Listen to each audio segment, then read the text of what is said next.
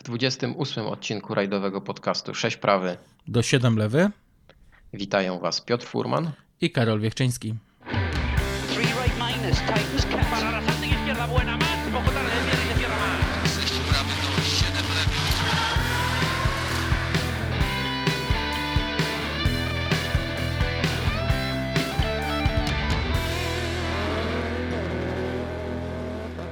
Powiedz mi, po co jest ten miś? Właśnie, po co?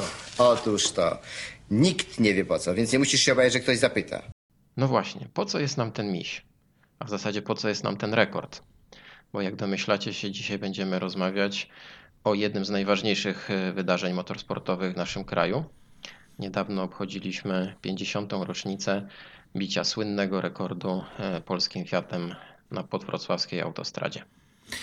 No ja myślę, że dzisiaj to on już jest nam tylko potrzebny do snów o potędze i marzeniu o tym, żeby jeszcze kiedyś mieć własny przemysł motoryzacyjny. To bardzo smutne, ale warto tą rocznicę przyjrzeć się sensowi bicia tego rekordu i odpowiedzieć sobie na jedno najważniejsze pytanie. Czy ten rekord wyniósł coś do polskiego przemysłu motoryzacyjnego? Czy coś wyniósł do e, polskiego motorsportu, do tego jak się kształtował wtedy na arenie międzynarodowej, bo przypomnijmy, że to, co się wtedy wydarzyło, miało miejsce w 1973 roku, czyli dokładnie w tym samym roku, kiedy rajd polski był rundą rajdowych mistrzostw świata marek.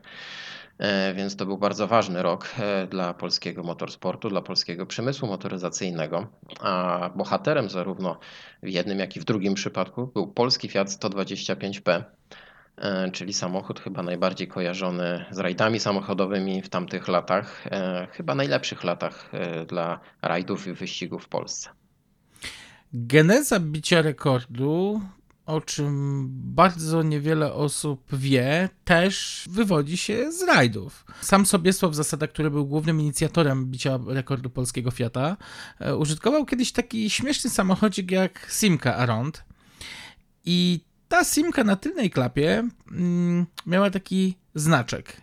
I ten znaczek mówił właśnie o e, rekordu du o rekordach świata e, Simki Arond. I jak się okazało, w 1973 roku ten rekord nadal był niepobity. I Sobiesław Zasada, zainspirowany właśnie tym maleńkim znaczkiem Simki Aron, stwierdził, że hmm, może spróbować by zrobić dokładnie to samo, co w 1952 roku dokonali Francuzi. Takim spiritus movens e, tego wydarzenia, oprócz Sobiesława Zasady, e, był pan Marek Wachowski, e, który był inicjatorem bicia rekordów najpierw skuterem OSA, a potem słynnego e, rekordu na jazdy na wytrzymałość syreną na torze testowym FSO. E, w ogóle Marek Wachowski to jest człowiek legenda w tej chwili. Mamy nawet fragment rozmowy z nim nagrany o tych rekordach, o których wspomniałem. I rzeczywiście decyzja bardzo szybko została podjęta ale trzeba było oczywiście mieć zgodę e, no, najwyższych władz e, w rządzie, w partii wtedy przecież. To były zupełnie inne czasy, e, czasy gospodarki scentralizowanej, więc nie można było się narazić na porażkę, a przecież taką też brano pod uwagę, więc ci wszyscy oficjele rządowi najpierw dopytywali się, nawet sam ojciec Andrzeja Roszewicza, który był przecież w tej grupie jako najmłodszy kierowca, sam się dopytywał go nawet, no, czy to ma sens, czy przecież e, niezbyt dużo ryzykujemy, może się samochód zepsuć, przecież to dla fabryki będzie porażka, a Fiata produkowaliśmy niespełna wtedy 5 lat. E, więc e, to rzeczywiście nie było taka łatwa decyzja do podjęcia. I oczywiście E, zgoda e, władz poszła jak najbardziej e, w dobrą stronę, ale tak naprawdę to sama fabryka nie była do końca przekonana o tym, czy bicie rekordu polskim Fiatem, bicie, bicia rekordu średnich prędkości na długich dystansach ma sens, ale to jednak właśnie taka postać e, bardzo wyraźna i już wtedy bardzo utytułowanego sobie Sława Zasady chyba była największą kartą przetargową. Przecież on już miał trzy tytuły Mistrza Europy, e, kilka startów w rajdzie Safari. No i to był gość, który no naprawdę miał wtedy coś do powiedzenia. Wspomniałeś o postaci pana Marka Wachowskiego. E, dla młodszych słuchaczy to prawdopodobnie no, kompletnie nieznany epizod historii polskiego sportu mm, samochodowego, ale e, pan Marek jest prawdziwą legendą w końcu. Co tu dużo mówić? Wspominają go takie sławy jak Rauno Altonen czy Björn Waldegard, nieżyjący już, e, i, i, wypowiadają się o nim jak o e, naprawdę wielkiej gwieździe motorsportu z tamtych czasów.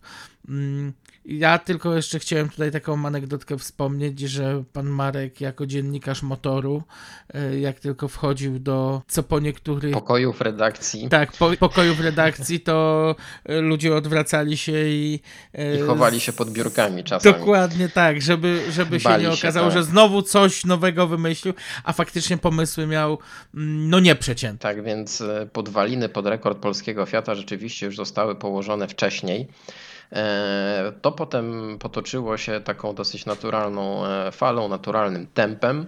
No i rzeczywiście e, w czerwcu 1973 roku podjęto decyzję o tym, że Fiat, polski Fiat 125P pobije rekord e, francuskiego auta Simca Arount, o którym wspomniałeś, e, z 16 sierpnia 1952 roku na dystansie 25 tysięcy kilometrów. Takie było No. pierwotne założenie i na tym dystansie się nasza polska ekipa przede wszystkim skupiała. Można jeszcze zadać sobie pytanie, co działo się między 52 a 73 rokiem, no bo tak na dobrą sprawę to producentów było mnóstwo, rekord był niepobity, no i jeszcze wspomniałeś o tej, o tym strachu w fabryce, no i ten strach też nie był bezpodstawny, bo do, do próby bicia rekordu Simki Around kilkukrotnie podchodziły takie firmy jak Datsun oraz Ford. I niestety w obydwu przypadkach, i to nie były pojedyncze próby, tylko tych prób było y, bodaj sześć y, mm, na przestrzeni lat. I niestety, ale w obydwu e, przypadkach te e, próby po prostu spalały na panewce. Przypomnij właśnie, na jakich dystansach wtedy FIA postanowiła, że takie rekordy będą bite, bo przypomnijmy, że to właśnie Międzynarodowa Federacja Samochoda ustalała regulaminy, e, te wszystkie wytyczne, które miały być e, spełnione podczas bicia takich rekordów. Tak, no tu y, wyznaczono dystansy, mm, dopuszczając start lotny y, i w przypadku startu lotnego był to 1 km bądź 1 mila i to są dokładnie te dystanse, które są e, przy tych największych szybkościach uznawane. Natomiast w przypadku startu stojącego mówimy o dystansach pół kilometra, 1 kilometra, 1 mili, 10 kilometrów, 10 mil, 100 kilometrów, 100 mil, 500 kilometrów, 500 mil, 1000 kilometrów, 1000 mil, 5000 kilometrów, 5000 mil, 10 tysięcy kilometrów, 10 tysięcy mil, 25 tysięcy kilometrów, 25 tysięcy mil, 50 tysięcy kilometrów, 50 tysięcy mil oraz 100 tysięcy kilometrów i 100 tysięcy mil. Co ciekawe, w historii, e, czego najlepszym dowodem mm, właśnie był rekord Simki Around, to nie znaczy tak, że jeżeli jeden samochód posiadał y, rekord na dystansie 25 tysięcy i 50 tysięcy y, kilometrów, to będzie posiadał też na dystansie 25 tysięcy kilometrów. No bo w przypadku, mm, bo w przypadku właśnie naszych polskich rekordów polskiego Fiata mm, pobiliśmy rekord na 25 tysięcy kilometrów yy, i był to rekord Simki Around, na rekord na 25 tysięcy mil i był to rekord Forda Cortiny, a rekord na 50 tysięcy kilometrów był rekordem e, ponownie Simki Around. który został ustanowiony w tym samym 52 Tak. roku, a wszystkie trzy rekordy, o których powiedziałeś, były ustanowione przez Francuzów. Tak, bo E, był to to, francuski oddział Forda. się. Mhm. Tak, to oni podejmowali się e, bicia rekordów, e, utrzymywania tej średniej prędkości. E, I z czego wynikały te niepowodzenia? No najczęściej wynikały one po prostu z tego, że te samochody były zbyt forsowane podczas bicia tych rekordów, nie wytrzymywały silniki, które się gotowały, które się rozsypywały. No i rzeczywiście podczas takich właśnie testów, takich dystansów e, wychodziły wszystkie e, niedogodności, wszystkie, wszystkie choroby wieku dziecięcego, które nawet w trakcie normalnej eksploatacji może by się nawet nie ujawniły. No tym bardziej w przypadku polskiego Fiata, no, było gdzieś jakieś ryzyko e, i strach, że ten nowy wytwór polskiej e, myśli technologicznej, no bo jednak pomimo, że to było auto licencyjne, no to jednak e, już w 1973 roku był to naprawdę polski Fiat wytwarzany z naszych polskich podzespołów, z polskich elementów i rzeczywiście no pomimo, że już miał uznaną pozycję na arenie międzynarodowej, bo zaraz tutaj powiemy o tych pierwszych sukcesach polskiego Fiata w motorsporcie, no to jednak ryzyko istniało, że coś może nie wytrzymać, coś się może stać niedobrego. No właśnie, ale tak przybliżmy może, dlaczego w ogóle poruszyliśmy tematykę rekordu, no bo e, jesteśmy podcastem stricte rajdowym, a to wydarzenie, samochód w zasadzie drogowy, z niewielkimi modyfikacjami, o których za chwilkę powiemy. Mm, I dlaczego skupiliśmy się na e, historii rekordu praktycznie niezwiązanego z rajdami samochodów. No i tutaj właśnie będzie duża niespodzianka, ponieważ jak już wcześniej wspomniałem, e, całym e, takim mentorem tego przedsięwzięcia był pan Sobiesław Zasada, który posiadał już e, bardzo wiele tytułów właśnie odniesionych w rajdach samochodowych. I mało tego, do tej ekipy, która składała się pierwotnie z siedmiu kierowców, dołączyli najlepsi kierowcy rajdowi. Oczywiście oni wtedy brali też udział w wyścigach samochodowych, ale jednak właśnie w rajdach samochodowych odnosili największe sukcesy. Każdy z nich praktycznie miał już jakieś tytuły mistrzowskie w, odniesione w kraju, e, a Robert Mucha na przykład, który był takim zastępcą e, Sobiesława Zasady w trakcie tego rekordu, e, no przecież w 1972 roku wygrał klasę samochodem. Polski Fiat 125P 1500 właśnie. To przecież on był ojcem chrzestnym słynnego Monte Carlo, czyli auta wyposażonego w ten już włoski silnik DOHC o pojemności 1600 cm, a Andrzej Jaroszewicz ten wyczyn powtórzył podczas rajdu Akropolis w 1972 roku i wygrał również klasę polskim Fiatem, e, na podstawie czego powstała wersja homologacyjna 1800, czyli Akropolis.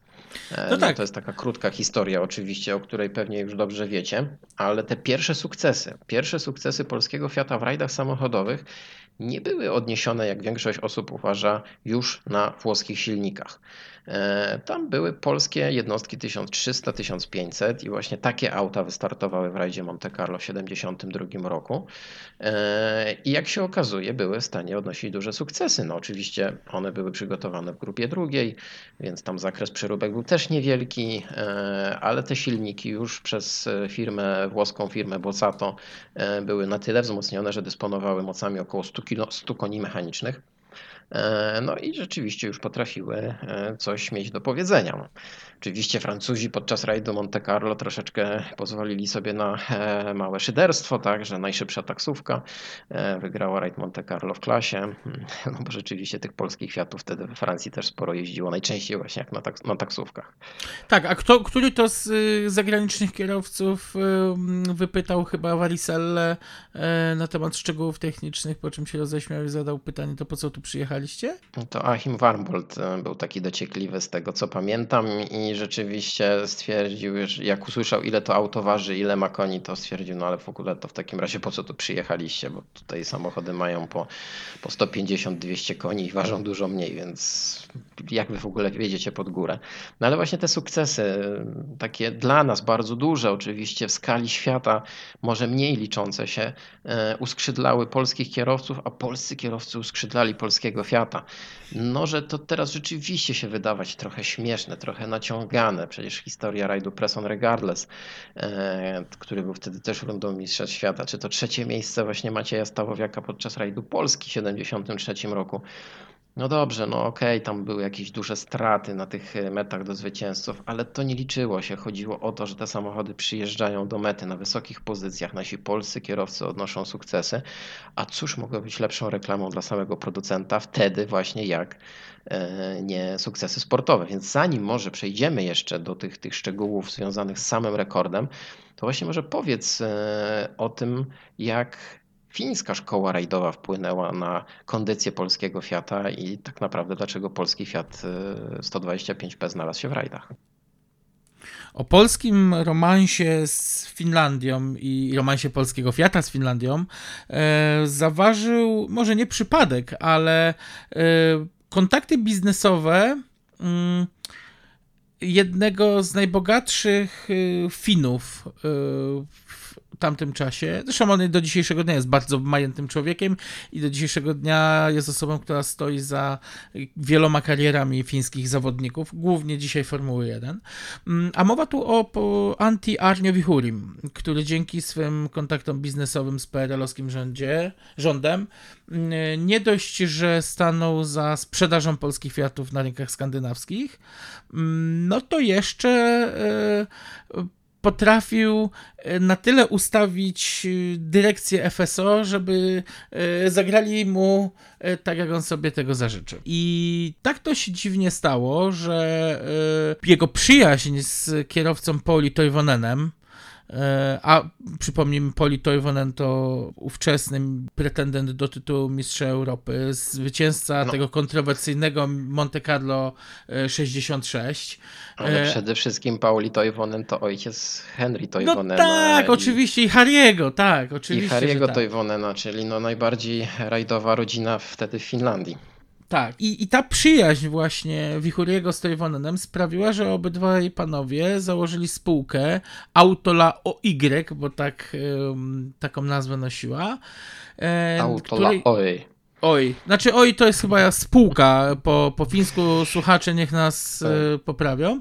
Natomiast e, szefem właśnie został Pauli Toivonen, a głównym udziałowcem Antti Arniowichuri. Oprócz no tego, jak że... dwóch takich panów się spotyka, a mają związek z rajdami samochodowymi dużo pieniędzy. To wiadomo, że skończy Dokładnie. się to promocją przez sport. I tak też, no e, tak też to miało. Poza umową, e, którą e, Fiat 120, bo przypomnijmy, Fiat 125P jako produkt licencyjny był na tyle mądrze wykupiony, że mieliśmy prawo do jego eksportu. I tutaj jeszcze doszło do, do, do, jednej ciekawostki, mianowicie sprzedaż polskiego Fiata bardzo mocno kolidowała e, ze sprzedażą Lancia.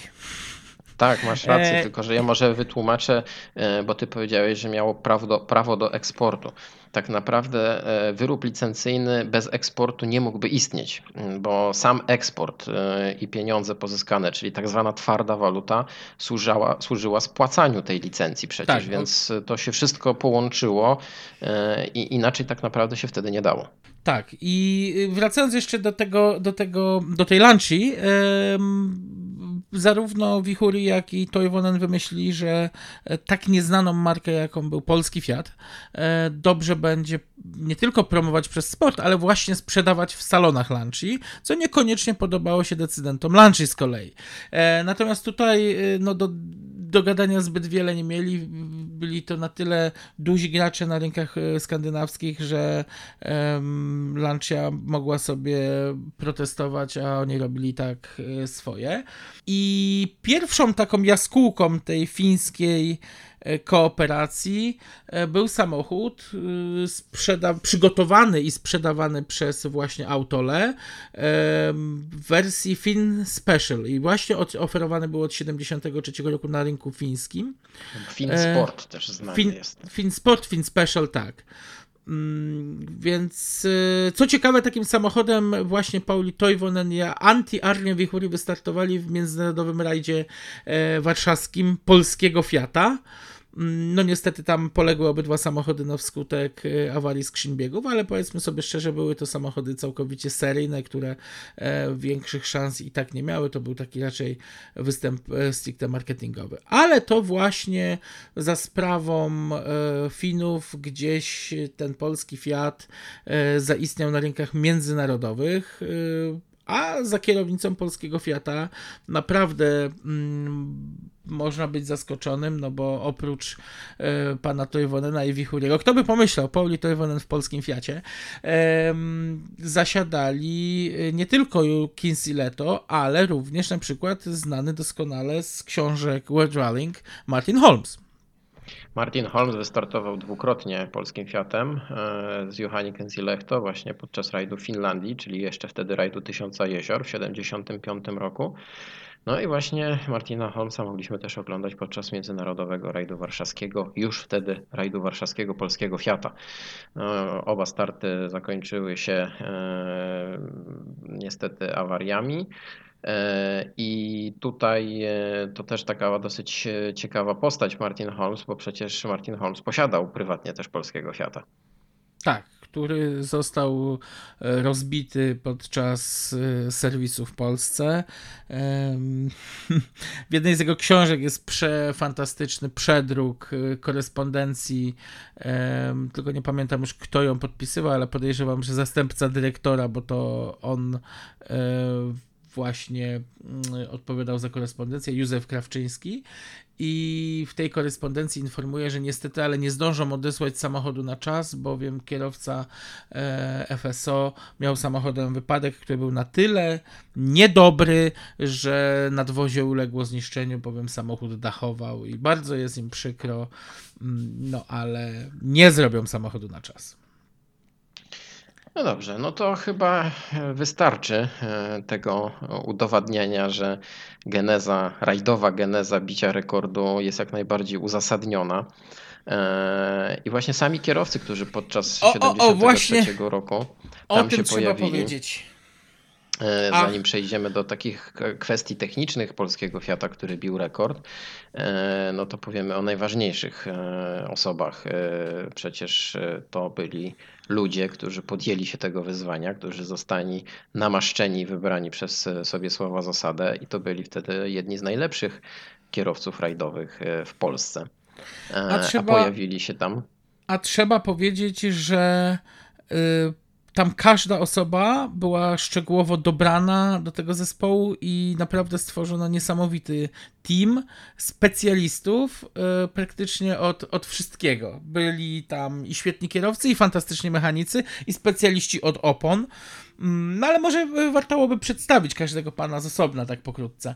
O, tutaj to chyba nam zabraknie czasu, żeby przedstawić. ale, ale wymienić trzeba. w takim wielkim skrócie. E, oprócz sobie słowa zasady, e, który był takim pierwszym kierowcą, szefem tego zespołu, odpowiedzialnym za dobór pozostałych kierowców, e, no to mieliśmy pana Roberta Muchę.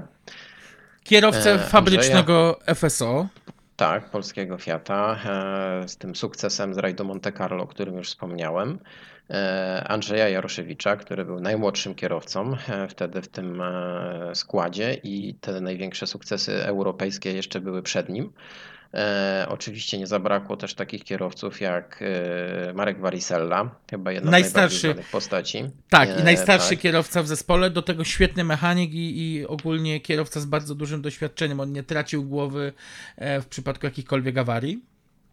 Dokładnie, ale tutaj muszę cię sprostować, bo najstarszym zawodnikiem był pan Jerzy e, Dobrzański.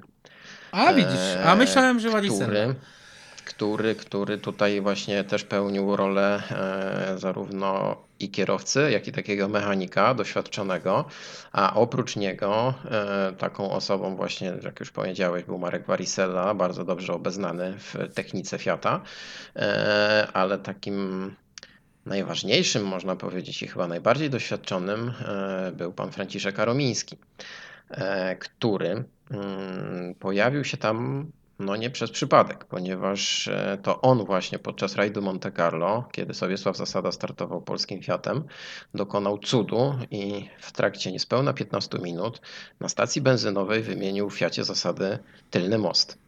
E, od tego momentu uważany był za kierowcę, za mechanika w zasadzie e, do ciężkich przypadków. E, takiego człowieka, który daje sobie doskonale radę z presją czasu i jest w stanie zrobić wszystko.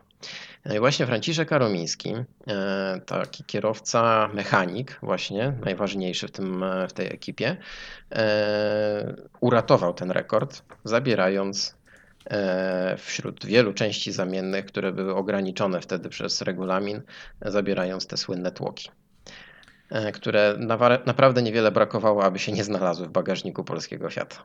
No tak, no bo przypomnijmy, że samochód, każdy samochód rekordowy mógł zabrać ze sobą na pokład 5% plus 20 kg, 5% swojej masy plus 20 kg e, z części zamiennych, które Czyli mogły 75-6 kg. Czyli tak, w przypadku polskiego Fiata było to około 75 kg.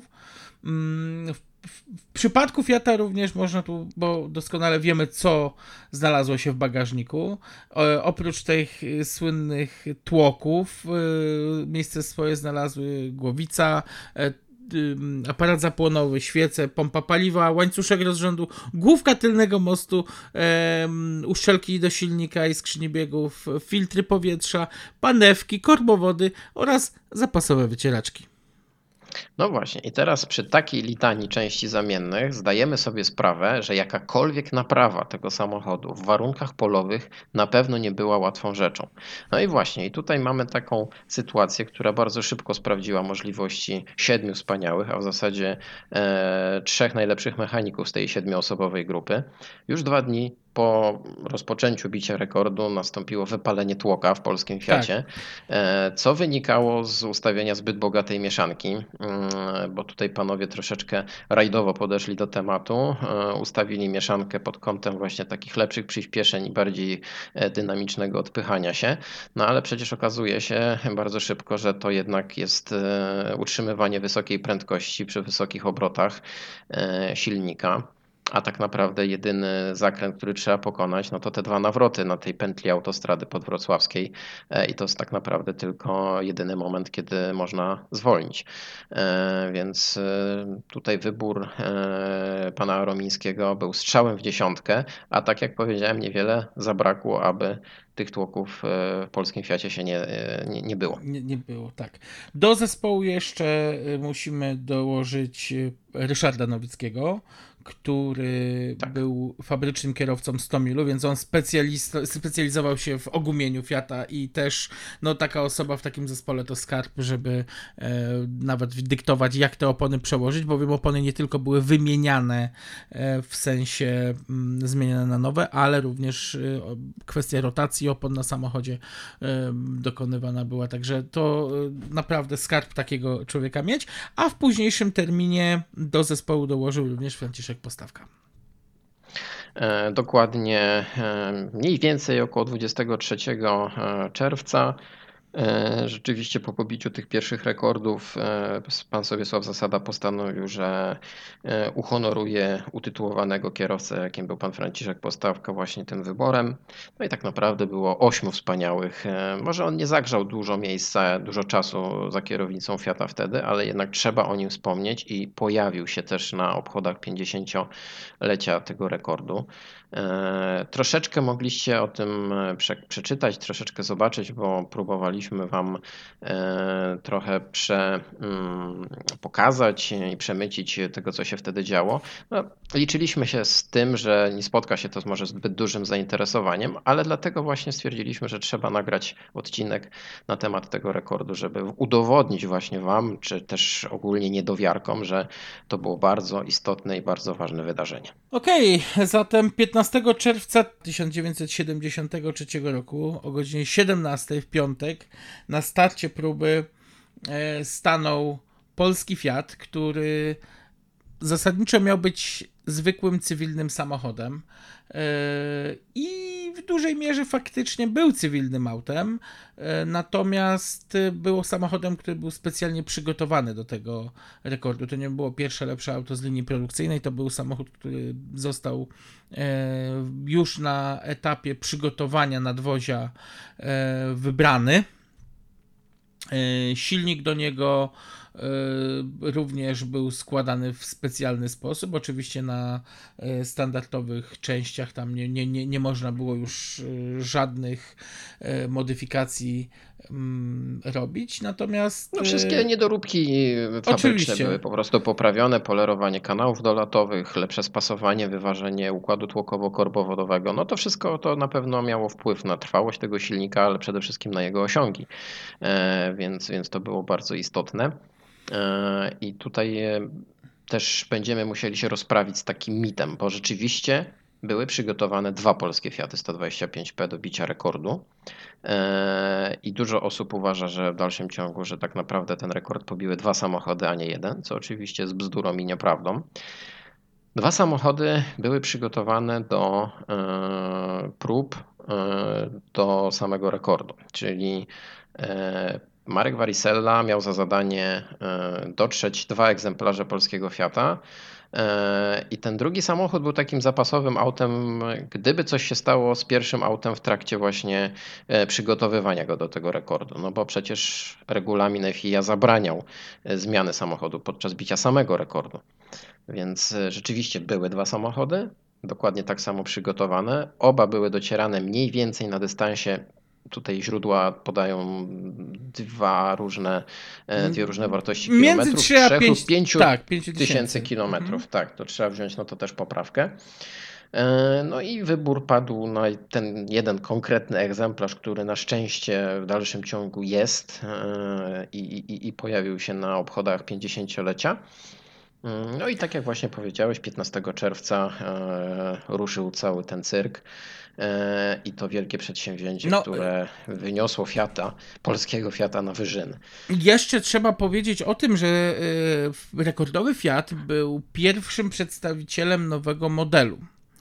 Bo samo auto wizualnie różniło się od swoich poprzedników. Miało już kasetowe klamki, miało już plastikowy grill, a taką Tak, dużą tak zwana zmianą. przejściówka. Tak, a taką dużą zmianą e, w elementach em, układu jezdnego było zastąpienie czteropiórowych tylnych resorów dwoma e, piórowymi, szerszymi, dłuższymi e, resorami. W nomenklaturze FSO to właśnie był polski Fiat 125 PMR73, czyli model roku. E, I to bardzo dobrze o tym powiedziałeś, że tam były już te kasetowe klamki, plastikowa atrapa, która tak naprawdę po raz pierwszy pojawiła się właśnie e, w rajdach samochodowych, samochodach rajdowych. E, Ona jeszcze zanim weszła do seryjnej produkcji, to troszeczkę musiało minąć czasu, więc tutaj znowu te rajdy samochodowe się kłaniają. I która podczas sam, bicia samego rekordu w pewnym momencie musiała zostać zdjęta, bo sam Fiat miał problemy z termiką, przegrzewał się i e, Niestety. zdjęcie. Borykam się z tym do dziś. zdjęcie właśnie tego e, plastikowego grilla mm, pomogło obniżyć temperaturę około 10 stopni Celsjusza, co no, w warunkach e, takiego rekordu było dość dużo. Wracając jednak do e, przygotowania, to e, tak jak wspomniałeś. Krótko jeszcze o tych zmianach technicznych powiedzmy Mhm, właśnie. Tak, y, sam silnik był składany w dziale badania silników FSO. Y, Natomiast kwestie zawieszeniowe, y, za kwestie zawieszeniowe od, odpowiadał dział badań podwozi, więc y, widać, że podejście było bardzo specjalistyczne do tych obydwu samochodów. Jeśli chodzi o modyfikacje jakieś y, takie większe, no to y, do, dołożona została y, elektryczna pompa paliwa sterowana z deski rozdzielczej. Trzeba wspomnieć też o zdublowanym układzie elektrycznym. Tam tak, się dwa zapłonowym. regulatory Tak, tak. napięcia, dwie Dokładnie. cewki, e, więc to też taka była istotna zmiana, która miała przedłużyć żywotność tych podzespołów.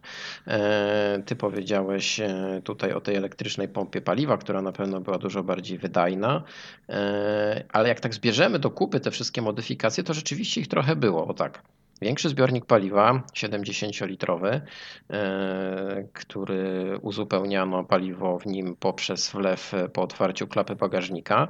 Ale ten e, patent też pochodził z samochodu rajdowego. Z samochodu rajdowego, tak, czyli tutaj mamy kolejny kamyczek do rajdowego ogródka. E, Na pewno wspomniałeś też o zawieszeniu, czyli zawieszenie było wzmocnione e, zarówno plus do jeśli tego- chodzi o resory piórowe, no i oczywiście Plus do tego doszły amortyzatory w firmie Bilstein. Tak, ze zgniłego zachodu pochodzące. E, No, ze zgniłego podobnie- zachodu pochodziły również klocki hamulcowe i tarcze sprzęgiel. Dokładnie, to Tekstar, e, który, który też e, bardzo e, zaznaczył swoje miejsce e, podczas e, tego, tego e, jubileuszu. E, Wkłady lamp e, pochodziły z francuskiej firmy Sibian. Oczywiście dodatkowe halogeny się pojawiły, ponieważ e, świtem nad autostradą e, unosiła się dosyć często mgła. E, To jest koniec czerwca, więc e, wiemy jakie jest polskie lato. No, E, dodatkowe- dosyć zmienne. Dodatkowe E, reflektory jednak tu cię zaskoczę, jednak nie, nie były firmy CBE. Ale były Zelmoty to Zelmoty, tak. Tak. Tak, tak, to, to, to bardzo taka zacna firma, e, o której wszyscy pamiętają, szczególnie posiadacze polskich Fiatów, sam takie posiadam. E, I e, co jeszcze ciekawego trzeba byłoby powiedzieć? No chyba No, trzeba by powiedzieć to, co... o tym, że przepisy wymagały montażu klatki bezpieczeństwa. A, no właśnie, klatka bezpieczeństwa. No tylko, że wy sobie pewnie wyobrażacie teraz, że klatka bezpieczeństwa to tam było jakieś 70 metrów rur e, ze stali chromowo-molibdenowej i e, pewnie tam wchodziło się do tego samochodu jak do współczesnego wórca, ale tak e, nie było. No tak. Powiedz, jak było. Klatka bezpieczeństwa została mm, wykonana y, oficjalnie w dziale budowy prototypów, natomiast ja znam historię, gdzie nikt za bardzo nie wiedział, jak ten temat ugryźć e, i poproszono mm, na prędce y, zorganizowanego ślusarza, który po prostu wziął zwykłe rury y, bezszwowe, podoginał, no i wstawił klatkę. A klatka? A klatka to był taki pałąk przeciwkapotażowy, mm, zamontowany tylko i wyłącznie w tylnej części e, nadwozia. E, on e, wzmacniał tak naprawdę tylko mm, środkowy słupek, dach i tylne słupki. I to była cała klatka. Mm, tam nawet nie było żadnych foteli kubełkowych w tym samochodzie, szelkowych pasów. To wszystko było seryjne tak naprawdę. No ale przy rzeczywiście takiej jednostajnej jeździe e, po prostej, no aż tak, e, takie modyfikacje nie były wymagane. E, no tak, ale, ale jednocześnie ale jednocześnie z tą prostą klatką na przykład y, współpracowały y, wzmocnione podłużnice, wieszaki resorów i, i ogólnie obspawane elementy, gdzie mocowane były właśnie komponenty zawieszenia. Więc ten samochód Ja tylko też... jednego współczuję mhm. kierowcom, którzy brali udział w tym biciu rekordu. E, poziomu dziś hałasu w tym samochodzie, Fiat nigdy nie należał do cichych samochodów, e, troszeczkę te wysokie obroty zostały zniwelowane zastosowaniem pięciobiegowej skrzyni biegów. E, to na pewno miało wpływ i na trwałość silnika i pewnie też na trochę poziom hałasu. Ale czego najbardziej współczuję, to podróżowania na tak długich dystansach w środku lata na fotelach pokrytych materiałem typu Sky czyli e, tej sztucznej skóry, e, która odparza praktycznie wszystkie części ciała, e, kiedy posiedzi się na niej dłużej niż godzinę czasu. Więc, więc naprawdę tutaj szacunek dla panów, że sobie jakoś dawali z tym radę, bo naprawdę są momenty, że to jest nawet nie tyle nieprzyjemne, co niebezpieczne. No ale jak widać, mieliśmy do czynienia z prawdziwymi herosami, bo to im nie przeszkadzało. Wspomniałeś o skrzyni biegów. W mojej ocenie ta skrzynia biegów zaważyła o możliwości w ogóle podjęcia próby bicia rekordu prędkości, no bo gdybyśmy mieli do czynienia ze skrzynią czterobiegową, silnik prawdopodobnie nie dałby sobie rady z obrotami utrzymującymi się na stałym poziomie mm, na około 20% wyższym niż tego, który uzyskano e, właśnie w przypadku skrzyni pięciobiegowej. No, Więc... No krótko mówiąc, y, dwa dni po wystartowaniu do bicia rekordów najprawdopodobniej by doszło do zjawiska pod tytułem żelazny deszcz. Tak. E, I tak by się to zakończyło. E, a tutaj rzeczywiście ta skrzynia piątka, e, która mm, no nie pochodziła z polskiego samochodu i nie była polskiej produkcji. Wtedy nie dysponowaliśmy jeszcze skrzyniami pięciobiegowymi. Pochodziła z włoskiego Fiata. E, no, uratowała sytuację na pewno i poprawiła osiągi tego samochodu. No tak, no bo prędkość maksymalna wzrosła do 175 km na godzinę, a spokojnie, bezpieczną prędkością taką podróżną dla rekordowego samochodu okazała się prędkość między 140 a 150 km na godzinę. Ona też, bo to trzeba powiedzieć, że charakterystyka bicia rekordu takiego mm, na długich dystansach to jest też kwestia spadającej prędkości przeciętnej w e, okresie czasu. E, niestety te samochody e, zaczynają zawsze dość, dość mocno i tak samo było w przypadku polskiego Fiata, bo ta prędkość przeciętna była na poziomie 140 km, ponad 140 km na godzinę. Mm, no ale niestety każda kolejna awaria, każda, każde niedomaganie jednak powoduje, że no, dobrze jest zwolnić i tak samo było właśnie w przypadku polskiego Fiata. Czy coś jeszcze chcemy powiedzieć o kwestiach technicznych, bo ja bym przeszedł może teraz do parametrów samej trasy i już bicia rekordu, bo w zasadzie te historie doskonale znacie, a nie chcielibyśmy może zanudzać i przedłużać. Tylko chciałem wspomnieć o kolejnym yy, rajdowym akcesorium, które mnie osobiście urzekło oglądając rekorda, to yy, gumowe zapinki firmowane marką Abarth, które no, dodają takiego rajdowego sznytu yy, polskiemu Fiatowi mocno już są sparciałe i nadwątlone, ale w dalszym ciągu jeszcze przytrzymują maskę e, w tym samochodzie. E, tak naprawdę ten Fiat dużo się nie zmienił. E, te wgięcia nawet na dachu pozostały, które pojawiły się w momencie no, triumfu, kiedy wszyscy prawie zawodnicy i kierowcy usiedli na dachu tego samochodu. E, samochód ma się całkiem dobrze wbrew pozorom. On bardzo ładnie wygląda, jest zadbany, jest dobrze utrzymany, chociaż był taki moment, że tak nie wiadomo, co było z nim zrobić, bo trochę był e, jako reklama e, polskiego Fiata przy fabryce, potem trafił do muzeum, przeszedł te słynne miejsca, Norblin, a teraz znajduje się w muzeum w Chlewiskach, niedaleko Szydłowca, mm, na trasie z Radomia do Kielc, więc można jeszcze sobie to auto obejrzeć. E, uzupełnieniem tego samochodu jeszcze, tu musimy wspomnieć, była radiostacja do komunikowania się e, tym głównym punktem kontrolnym, y, który organizatorzy nazwali ładnie oazą. Znaczy one wszystkie były nazwane oazami ponumerowanymi, natomiast tą najważniejszą, tam gdzie był serwis i miejsce, mm, gdzie wszyscy zawodnicy dokonywali zmian, y, no to właśnie y, była łączność z, tą, z, tą, z tym centralnym punktem. Mm, Ale to się wzięło od motelu Oaza, który był na trasie bicia rekordu. O widzisz, tego nie tak wiedziałem. Tak jakby, tak jakby tam była główna e, baza E, bicia rekordu, e, kierowcy mogli korzystać z tej bazy noclegowej, bo dlaczego w ogóle wybór padł na Wrocław? E, dlaczego właśnie tam? No, po pierwsze, nie mieliśmy toru takiego toru owalnego, długodystansowego, na którym mogłaby dojść do bicia takiego rekordu.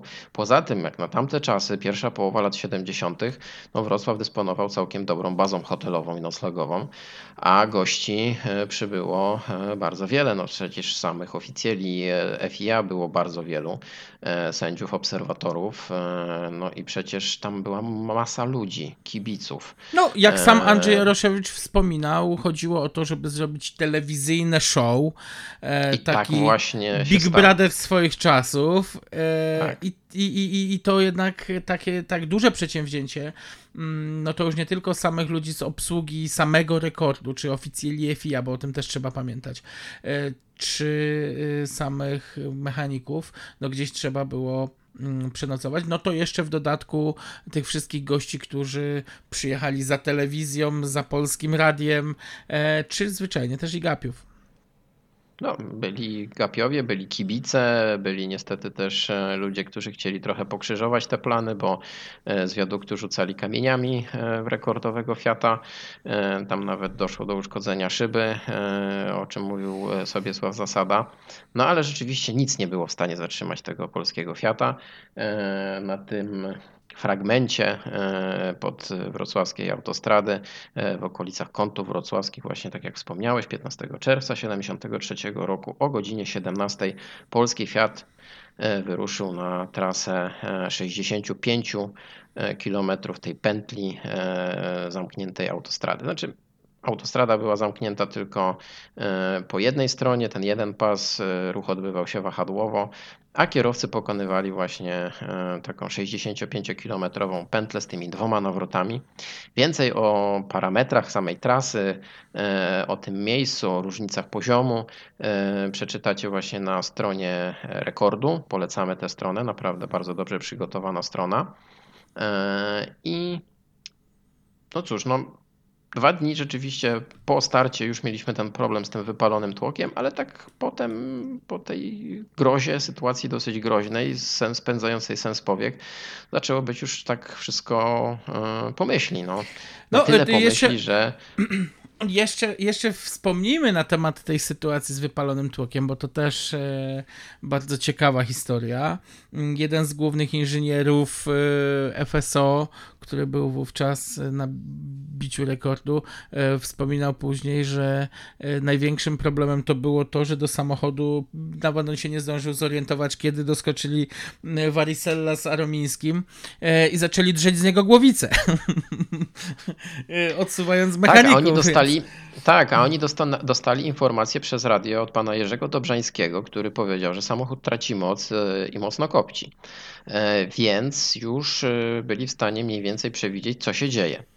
E, Więc zaplanowali sobie jakieś e, czynności takie pierwsze, które no, tylko potwierdziły te przypuszczenia i okazało się, że ten tłok się wypalił, E, ale już doskonale wiedzieli, co mają robić. Dlatego ta naprawa dosyć przebiegła sprawnie, chociaż obniżyła średnią prędkość, która została bardzo szybko nadrobiona później na trasie, bo już tak naprawiony Fiat e, odzyskał wigor i ta jazda już szła całkiem dobrze. No tak, bo mówiło się, że stracono około 200 km podczas tej godziny i 40 minut, e, kiedy ten tłok był wymieniany.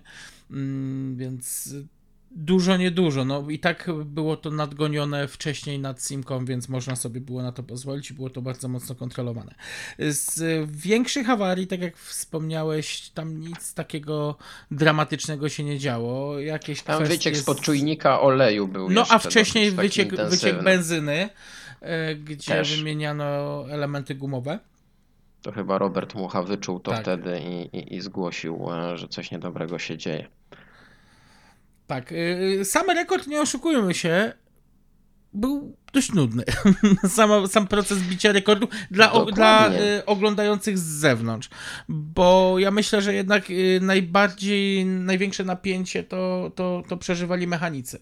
Bo ten samochód w każdej chwili no, mógł stanąć, mogło się coś zepsuć, y, a oni cały czas musieli być na nogach. Y, Kierowcy myślę, że troszkę inaczej do tego podchodzili i, mm, i odnoszę wrażenie, że szczególnie tam podczas deszczowych dni, e, bo takie też miały miejsce, że nawet ufali na tyle temu Fiatowi, że sam Sobiesław Zasada musiał ich troszeczkę spowalniać. E, I chyba... Oj, Sobiesław Zasada tam wszystko trzymał twardą tak, ręką. tak, E, tak. tak, tam chyba najbardziej niepokornym był oczywiście najmłodszy, czyli Andrzej Jaroszewicz, który na przykład chciał sobie popalać papierosy w czasie jazdy, no co Sobiesław Zasada się po prostu nie zgodził.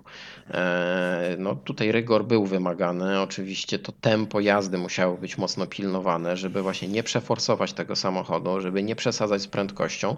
Mało tego, Przecież nawet po tak monotonnej jeździe na dystansie 30 powiedzmy kilku kilometrów dochodziło się wreszcie do pierwszego zakrętu, do tego nawrotu.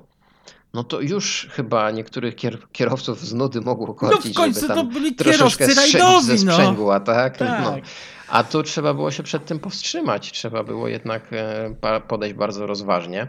Powiedziałeś właśnie o tym, o tej nudnym biciu rekordu, że to wyglądało dosyć nudnie i mogło być e, e, nawet tak odbierane. Może nie nudne, ale rzeczywiście to było monotonne. Monotonne. Było to monotonne dla samych kierowców, którzy spędzali ponad 3 godziny, każdy z nich podczas swojej zmiany za kierownicą. E, Niektórzy sobie śpiewali w czasie jazdy, E, Oczywiście też przesyłali drogą radiową meldunki, te parametry e, temperatury cieczy chłodzącej oleju. E, I, i, I to rzeczywiście było dosyć istotne. Ale No właśnie, wspomniałeś o meldunkach. Y, To może też czas rozprawić się z kolejnym mitem, właśnie mm, to, co powiedzieliśmy, y, bo niektórzy będą tutaj podpierać się, że jednak był inny samochód i był to drugi samochód, a, a widać to jest na ujęciach ze środka. A przecież dobrze wiemy, że FIA zakazała brać na pokład jakichkolwiek dziennikarzy czy filmowców. I nagle mamy ujęcia ze środka w słynnym filmie e, Mariusza Waltera. Ballada o polskim Fiacie i Siedmiu Wspaniałych. No tutaj to właśnie tak za ten mit jest odpowiedzialna sama telewizja, która oczywiście bardzo dużo zrobiła dobrego dla rekordu. E, przypomnijmy, wtedy w e, telewizji mieliśmy tylko dwa kanały, Mm, no a tutaj mieliśmy wejścia na żywo, e, kilkugodzinne takie relacje, e, cały kraj się tym emocjonował, niczym wyścigiem pokoju. E, a telewizja mm, była odpowiedzialna za powstanie pewnego mitu w takim sensie, że właśnie w tym filmie, o którym wspomniałeś, mamy ujęcia z wnętrza samochodu, podczas e, którego widać, kierowcy właśnie składają te meldunki przez radio, ale bardzo e, taki spostrzegawczy obserwator zobaczy, że tam jest deska od włoskiego Fiata 125S. No i tutaj też właśnie pojawiły takie podejrzenia, że to były dwa samochody, jeden był ukryty w krzakach, potem był zmieniany gdzieś tam pod osłoną nocy. No, to jest bzdura, tak jak już wcześniej powiedziałem. A skąd to się wzięło? No tak jak wspomniałeś, FIA zabraniała e, uczestnictwa podczas biciu rekordu jakiejkolwiek drugiej osoby, czy z zespołu, czy dziennikarza w samochodzie czasie jazdy, więc e, telewizja musiała sobie zrobić taką dokrętkę. No i dokręcono te właśnie zdjęcia i te ujęcia z, zewnątrz, z wewnątrz samochodu w aucie Jerzego Dobrzańskiego, właśnie włoskim, z włoskiego Fiata 125S, którym był wtedy posiadaczem takiego samochodu. No i stąd się wzięła właśnie taka niestworzona historia wręcz, że, że był drugi samochód. Nie, nie było drugiego samochodu, był ten jeden polski 125P. E, więc, e, więc tyle chyba e, na ten temat. Chociaż miłośnicy teorii spiskowych pewnie w dalszym ciągu będą uważać, że, że tam jeszcze jakiś jeden samochód mógł być. Wracając jednak do samego przebiegu rekordu, już 23 czerwca udało się osiągnąć przebieg 25 tysięcy kilometrów, czyli ten. Z prędkością 138 km na godzinę. Ze średnią prędkością 138 km.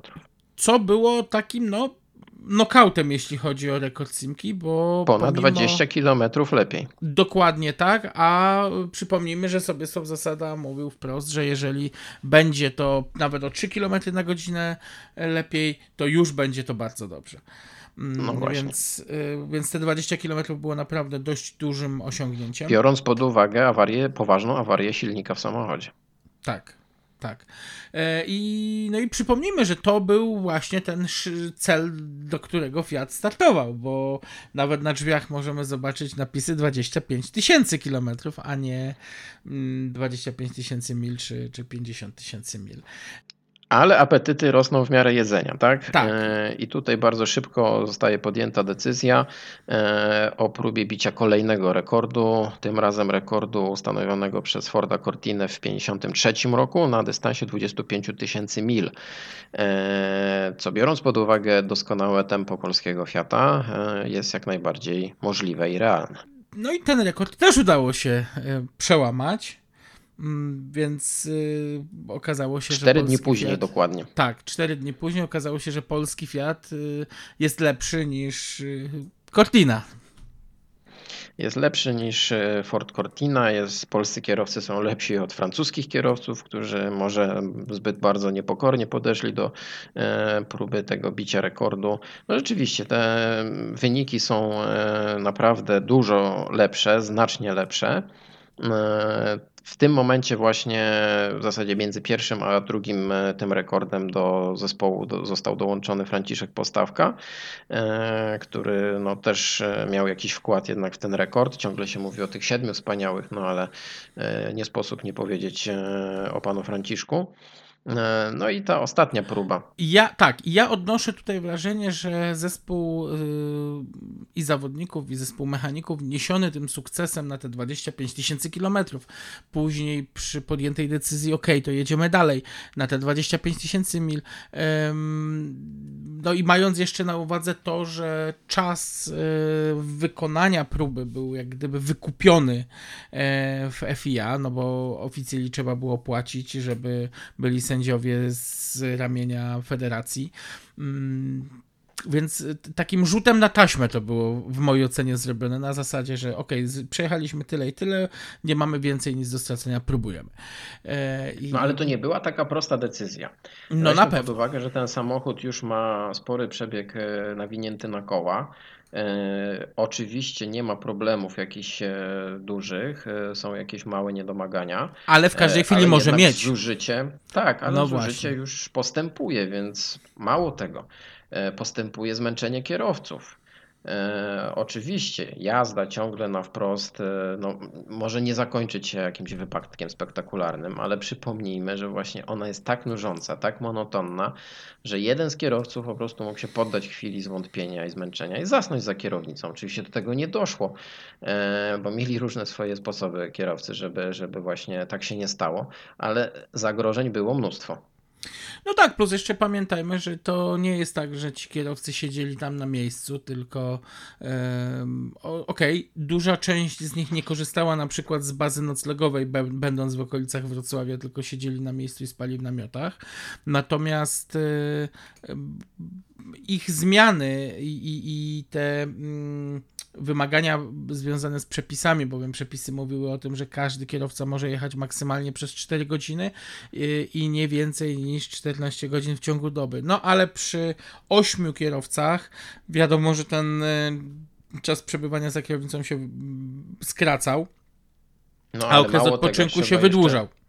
Tak, ale trzeba jeszcze wspomnieć o tym, że jeden z kierowców wystartował do bicia rekordu z bardzo poważną kontuzją nogi, a mówimy tutaj tak. o Andrzeju Jaroszewiczu, który w maju e, podczas e, wyprawy na rajd tulipanów no, doznał bardzo poważnego wypadku na autostradzie w Niemczech, kiedy zamienił się miejscami z Bogdanem Drągowskim, ze swoim pilotem.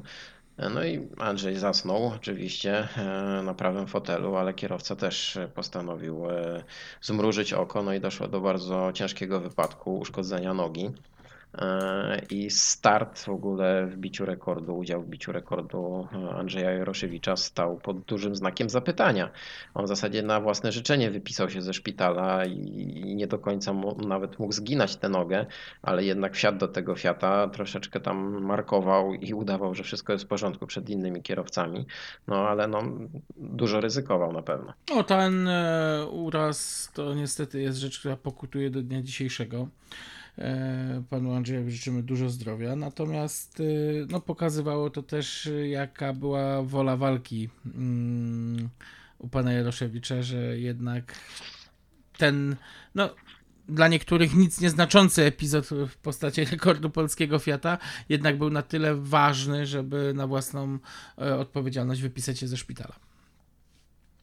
No, także e, każdy borykał się z jakimiś problemami. Na trasie e, dochodziło do takich zdarzeń jak przebiegające sarny, e, startujące do lotu bociany, więc rzeczywiście tam kierowcy czasami musieli mieć większą uwagę. Mm, no ale ten Fiat dzielnie zmierzał po trzeci rekord, no i udało się.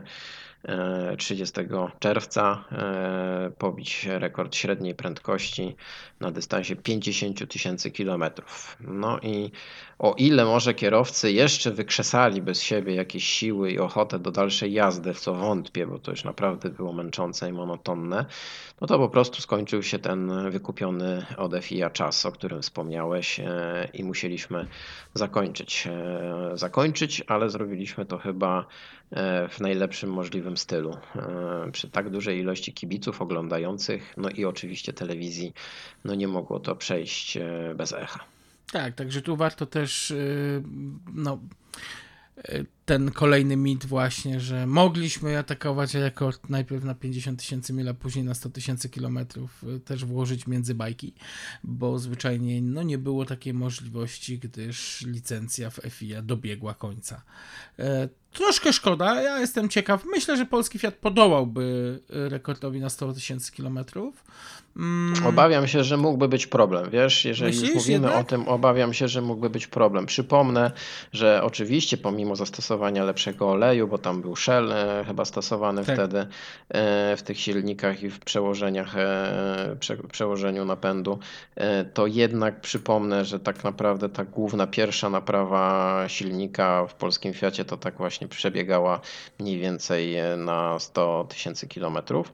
E, więc no, mogły się zacząć już jakieś poważne problemy. Mm, jednak pomimo tego przygotowania tego samochodu pod kątem technicznym, dużo bardziej skrupulatnego, obawiam się, że już ten samochód mógłby dostać poważnej zadyszki, a i sami kierowcy mogliby być już na tyle zmęczeni, bo przypomnijmy jeszcze jedną dosyć ważną rzecz. E, Polacy podeszli w siedmioosobowym składzie do bicia tego rekordu, a poprzednie rekordy e, w przypadku Simki czy Cortiny, e, no tam było dużo więcej osób do dyspozycji, więc więcej kierowców i tam troszeczkę te siły inaczej się rozkładały. No tak, bo chyba w przypadku Cortiny mówimy o 20 osobach. Tak, tam była dosyć znaczna liczba. Tutaj jednak mieliśmy siedmiu, w porywach ośmiu kierowców, którzy naprawdę byli e, solidnie zmęczeni, e, ale trzy tutaj rekordy e, i tutaj trzeba powiedzieć też o trzech kierowcach, bo każdy z tych takich czołowych kierowców miał swój finał. Pierwszy metę tych 15, 25 przepraszam, tysięcy kilometrów minął sobie Sław Zasada. E, no, należało mu się to na pewno, mm, biorąc pod uwagę, że nie było to pewne, czy, czy pozostałe rekordy e, będą pobite. E, drugi rekord na dystansie 25 tysięcy kilometrów przypadł i został tak jakby ukończony przez Roberta Muchę. No a ten największy i najważniejszy na tym koronnym dystansie 50 tysięcy kilometrów zakończył sam Andrzej Jaroszewicz. No tutaj akurat wybór kierowcy nie był przypadkiem, myślę, i cokolwiek, e, jeśli wiecie o realiach tamtych czasów, to myślę, że zrozumiecie, dlaczego akurat właśnie pan Andrzej e, był tym takim głównym bohaterem, e, który powiewał polską flagą po minięciu mety 50 tysięcy kilometrów. No dobra, ale w takim razie powiedz, bo mm, ty jako fiaciarz o wiele lepiej znasz historię polskiego Fiata ode mnie. Powiedz, co ten sukces dał polskiemu Fiatowi. Ten sukces e, Poza prestiżem naprawdę, oczywiście. E, ten sukces miał ogromny wpływ na mm, oddźwięk międzynarodowy, na reakcję świata na polskiego Fiata. E, pozwolę sobie tutaj tak zrymować. Mm, Sprzedaż tego samochodu dzięki temu rekordowi wzrosła i to znacznie wzrosła, e, bo e, we Francji sprzedano e, zaraz po tym rekordzie około 25 tysięcy samochodów. Z podniesioną ceną, też trzeba o tym przypomnieć, jak tutaj Robert Mucha wspomina o tym o, 307, o 375 dolarów dokładnie. Ale to nie tylko chodzi o sam samochód. Yy, jeżeli chodzi o sam samochód i samego polskiego Fiata, to ja tylko przypomnę, że szczyt sprzedaży eksportowej właśnie przypada na połowę lat 70. W 76 roku, nie jestem w stanie przytoczyć tutaj w tej chwili liczby, yy, mieliśmy największy eksport polskiego Fiata yy, za granicę. Największą sprzedaż, co za tym idzie, największą jakość tego samochodu. Bo jak sami wiecie, jakość praktycznie od drugiej połowy lat 70., czy też od początku lat 80., no, dramatycznie spadała. Mało tego, trzeba wziąć pod uwagę firmy, które, polskie firmy, które przy tym e, współpracowały. Na pewno na pewno, się na pewno, Tak, na pewno 100 mil wypuścił oponę rekord. No tak, no to, to było bardzo ważne, bo 100 mil rekord e, w rozmiarze 175 SR na 13 e, te, w tym rekordowym Fiacie. No, nie weszła do sprzedaży w tym rozmiarze, ona weszła troszeczkę węższa, bo pojawiła się sprzedaży wersja 165 E, sam takie nawet posiadałem swego czasu w swoim samochodzie. E, I rzeczywiście na tamte czasy to były bardzo dobre opony. Dobrze, czy powiedz mi Piotrze, czy w takim układzie to oznacza, że e, rekord był bity na oponach specjalnie przygotowanych do trudów tej betonki?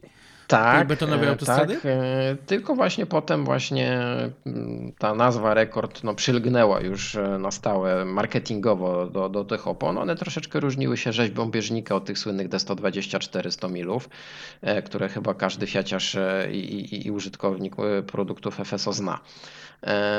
Także te opony rzeczywiście były hitem. Każdy chciał na takich oponach jeździć, a przypomnijmy, no, że dostępność przede wszystkim opon wtedy była wręcz dramatyczna. No, taki zwykły kierowca musiał mocno się nakombinować, żeby chociaż dwie takie opony kupić.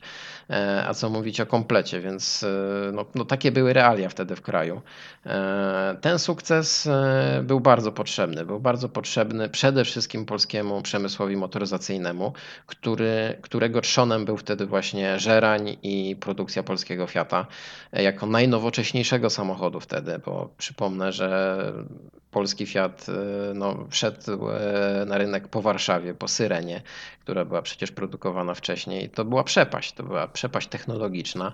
E, ta licencja pozwoliła nam na bardzo duży rozwój, bo oczywiście no, Młodzi ludzie teraz mogą sobie to wyobrażać. Okej, polski Fiat, przecież już wtedy były zupełnie lepsze samochody i, i nie wiem, zachodnie marki o e, całą długość e, wyprzedzały naszego polskiego Fiata wszędzie i we wszystkim. Owszem, e, ale podział świata wtedy na kraje RWPG i EWG, mówiąc w takim skrócie, mm, no był e, bardzo dotkliwy właśnie dla tych krajów za żelazną kurtyną, a my byliśmy właśnie w tej strefie, w tej strefie gospodarczej.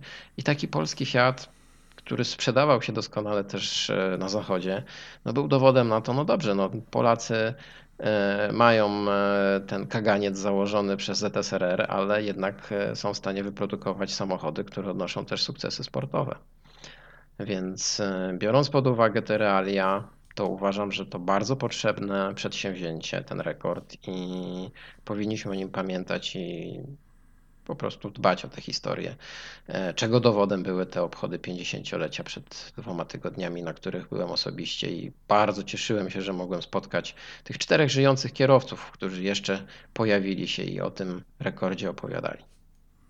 A o tym, jak trudny do pobicia był ten rekord, niech świadczy fakt, że złamany on został dopiero 9 lat później przez Alfa Romeo Alfa Sud mm, na torze Nardo, więc w laboratoryjnych niemal warunkach. E, I mówimy tutaj już o prędkościach maksymalnych y, bo tutaj też mowa jest o trzech, y, tych trzech rekordach, więc y, na dystansie... Wszystkie trzy rekordy tak zostały padły, pobite. Tak. Na dystansie 25 tysięcy kilometrów mowa o prędkości przeciętnej 160 km na godzinę. Mm, na dystansie 25 tysięcy mowa o 161 e, km na godzinę i w przypadku 50 tysięcy km przeciętna prędkość Alfa Sud wyniosła 155 km na godzinę.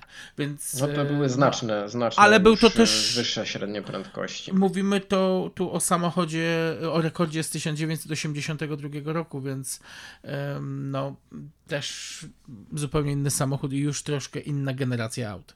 Wspomniałeś o tych laboratoryjnych niemalże warunkach i bardzo dobrze, że o tym powiedziałeś, bo wcześniejsze rekordy były bite właśnie na torach wyścigowych, e, gdzie była zupełnie infrastruktura. My byliśmy zmuszeni bić rekord na poniemieckiej autostradzie. A kto jeszcze w latach 90. jeździł do Niemiec e, po tej autostradzie, doskonale wie, jak ona wyglądała.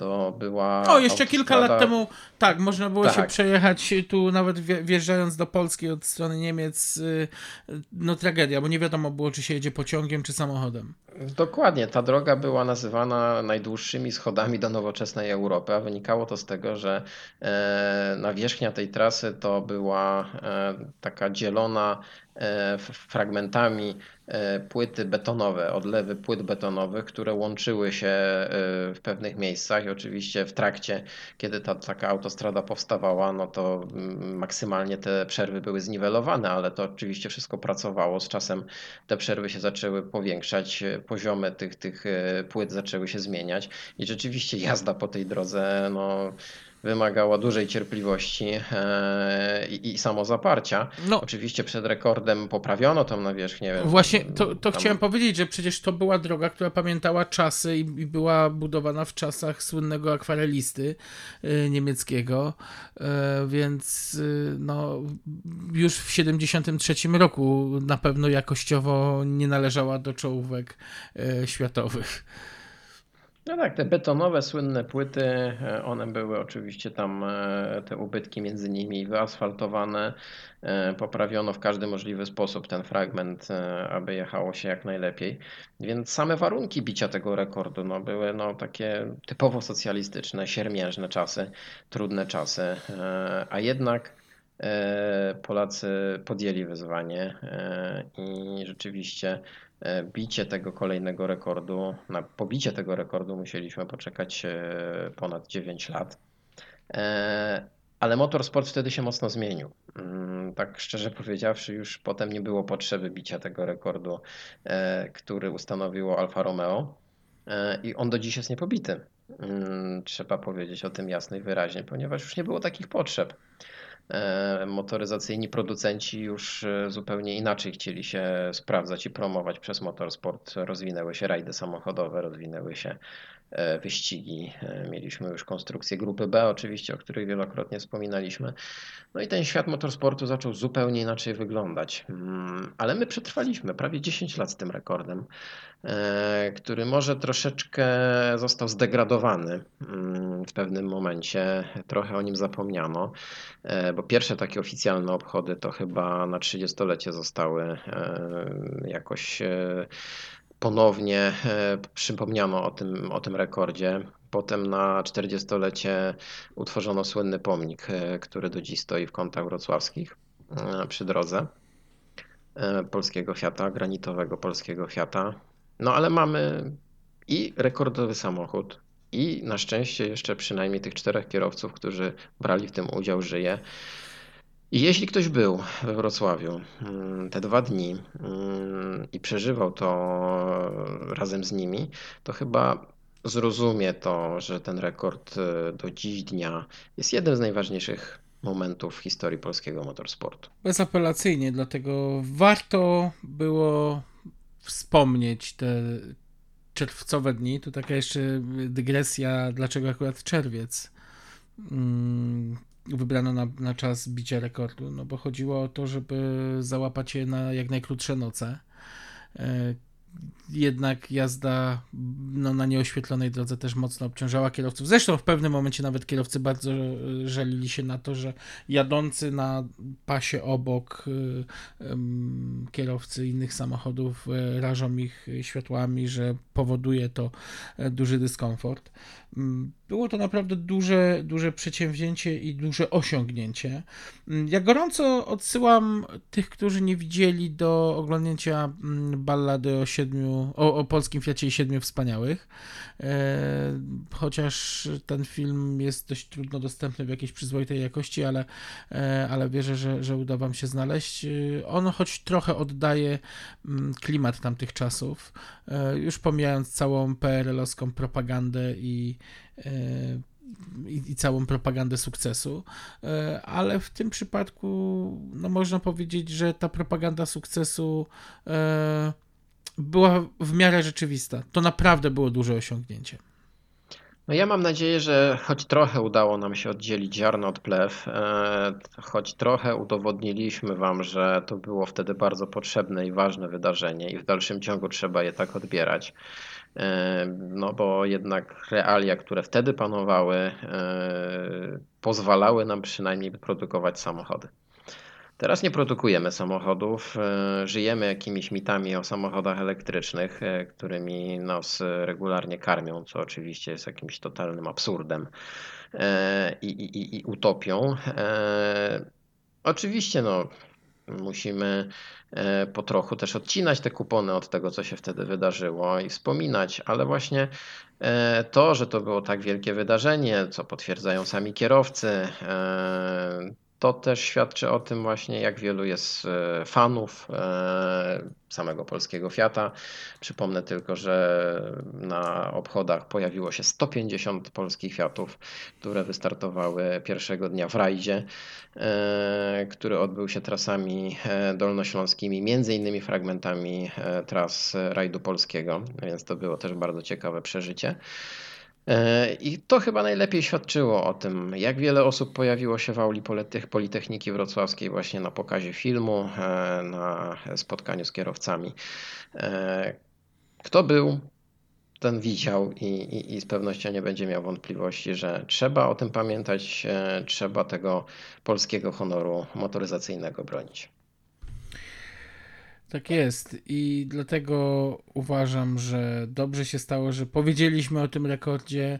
E, ortodoksyjni słuchacze niech nam wybaczą. E, w następnym odcinku już wracamy do ostrego rajdowania, więc e, wszystko mm, wróci na właściwe tory. Natomiast no, nie zapominajmy, to też było wydarzenie motorsportowe i do tego przeprowadzone przez największych aktorów tego sportu, czyli kierowców rajdowych z krwi i kości. Najlepszych kierowców, e, nie tylko e, PRL-u, ale również y, Europy, no bo przecież tytuły sobie słowa zasady mówią same za siebie. Dokładnie. Pamiętajmy o tym e, i e, może dbajmy trochę bardziej o historię. Mm, Dziękujemy Oj, Wam za tak. uwagę. E, Zrealizowaliśmy jakąś swoją prywatną potrzebę, żeby o tym trochę porozmawiać, ale myślę, że warto będzie e, o tym posłuchać E, i, i, i zapraszamy Was już na kolejne odcinki podcastu, które postaramy się w bardziej lub mniej regularny sposób e, umieszczać na naszym kanale. Także zapraszamy na nasz kanał, subskrybujcie, e, komentujcie, wspominajcie, e, wypominajcie nam jakieś potknięcia, bo to też jest e, dla nas budujące i miłe. Do usłyszenia. Dziękujemy, do usłyszenia.